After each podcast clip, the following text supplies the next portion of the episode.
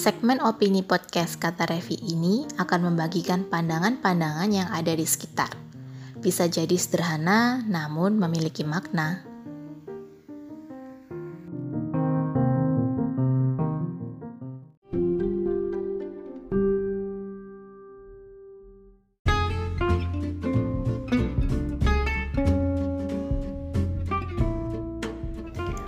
Halo teman-teman pendengar podcast Kata Revi, Hari ini saya akan membahas tentang tema opini.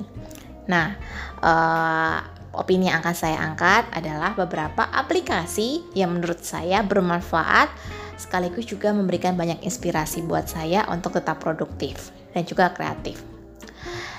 Yang pertama adalah aplikasi Notion.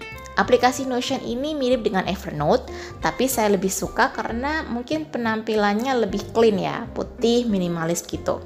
Jadi saya tahu aplikasi Notion ini ketika sudah menonton channel YouTube-nya Lindy Boots, salah satu YouTuber uh, sekaligus polyglot yang membahas tentang aplikasi yang membantu dia untuk belajar dan juga untuk produktif.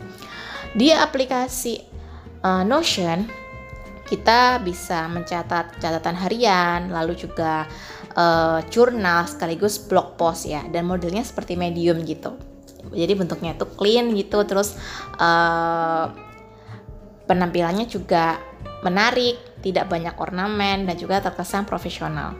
Selain itu di sini kita juga bisa saling uh, menjadikan aplikasinya itu tempat untuk berbagi tugas. Jadi misalnya um, saya nih sedang mengerjakan tugas editing atau mungkin tulisan. Nah teman lain pun bisa juga melakukan review ketika diberikan akses ke link yang saya buat di Notion. Banyak sekali manfaatnya. Di situ juga kita bisa membuat catatan keuangan, eh, lalu juga bisa membuat laporan atau atau ya yang paling simple semacam buku harian ya di situ. Yang menariknya dari Notion adalah adanya fitur web clipper. Jadi misalnya teman-teman uh, sedang membuka sebuah website, lalu kalian malas untuk buka HP lagi untuk cari websitenya lagi, kalian bisa mengumpulkan link-link menarik yang kalian baca di satu folder yang ada di Notion. Kita tinggal baca lagi tanpa harus menunggu loading karena ada fitur web clippernya. Jadi kita bisa membaca seperti yang ada di website persis sekaligus dengan gambarnya. Menarik kan? Itu yang saya suka dari Notion.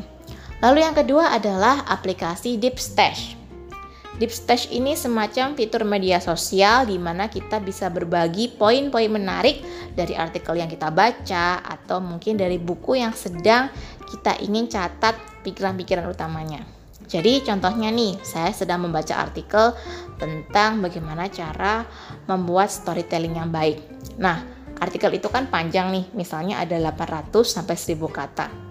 Supaya maknanya tetap terikat ke dalam otak, dan supaya uh, orang lain juga bisa membaca ini karena misalnya saya rasa waduh ini manfaat banget nih aku pengen memberitahukan pada banyak orang bahwa artikel ini sangat keren.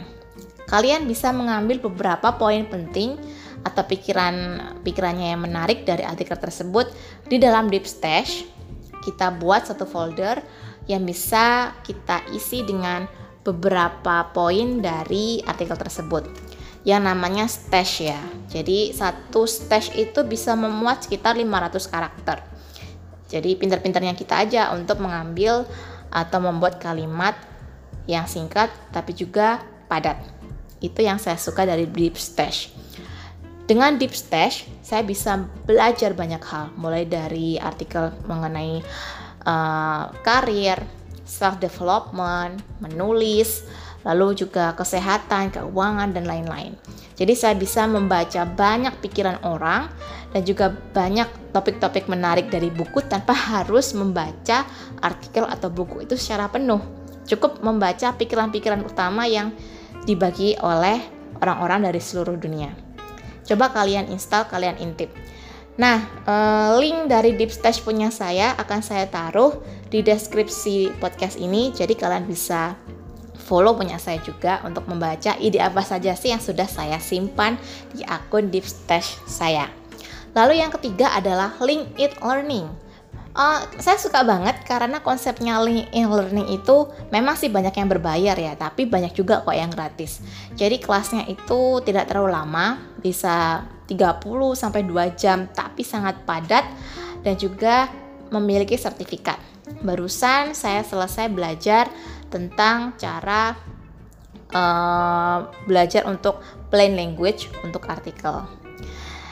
Banyak sekali tema-tema yang mungkin tidak kita temukan di kelas-kelas online lain, tapi ada di LinkedIn Learning. Coba teman-teman intip di sini, uh, lalu kalian belajar di situ, cari aja yang free, banyak kok yang bagus-bagus. Inilah aplikasi uh, yang bagi saya bermanfaat, memberikan inspirasi dan juga membantu saya untuk tetap kreatif. Semoga teman-teman suka dan mungkin ada yang tertarik untuk mengunduh di salah satu aplikasinya. Sampai jumpa di podcast Kata Review berikutnya, tapi jangan lupa follow Instagram podcast saya di @kata underscore revi k a t a underscore r e f f i. See you.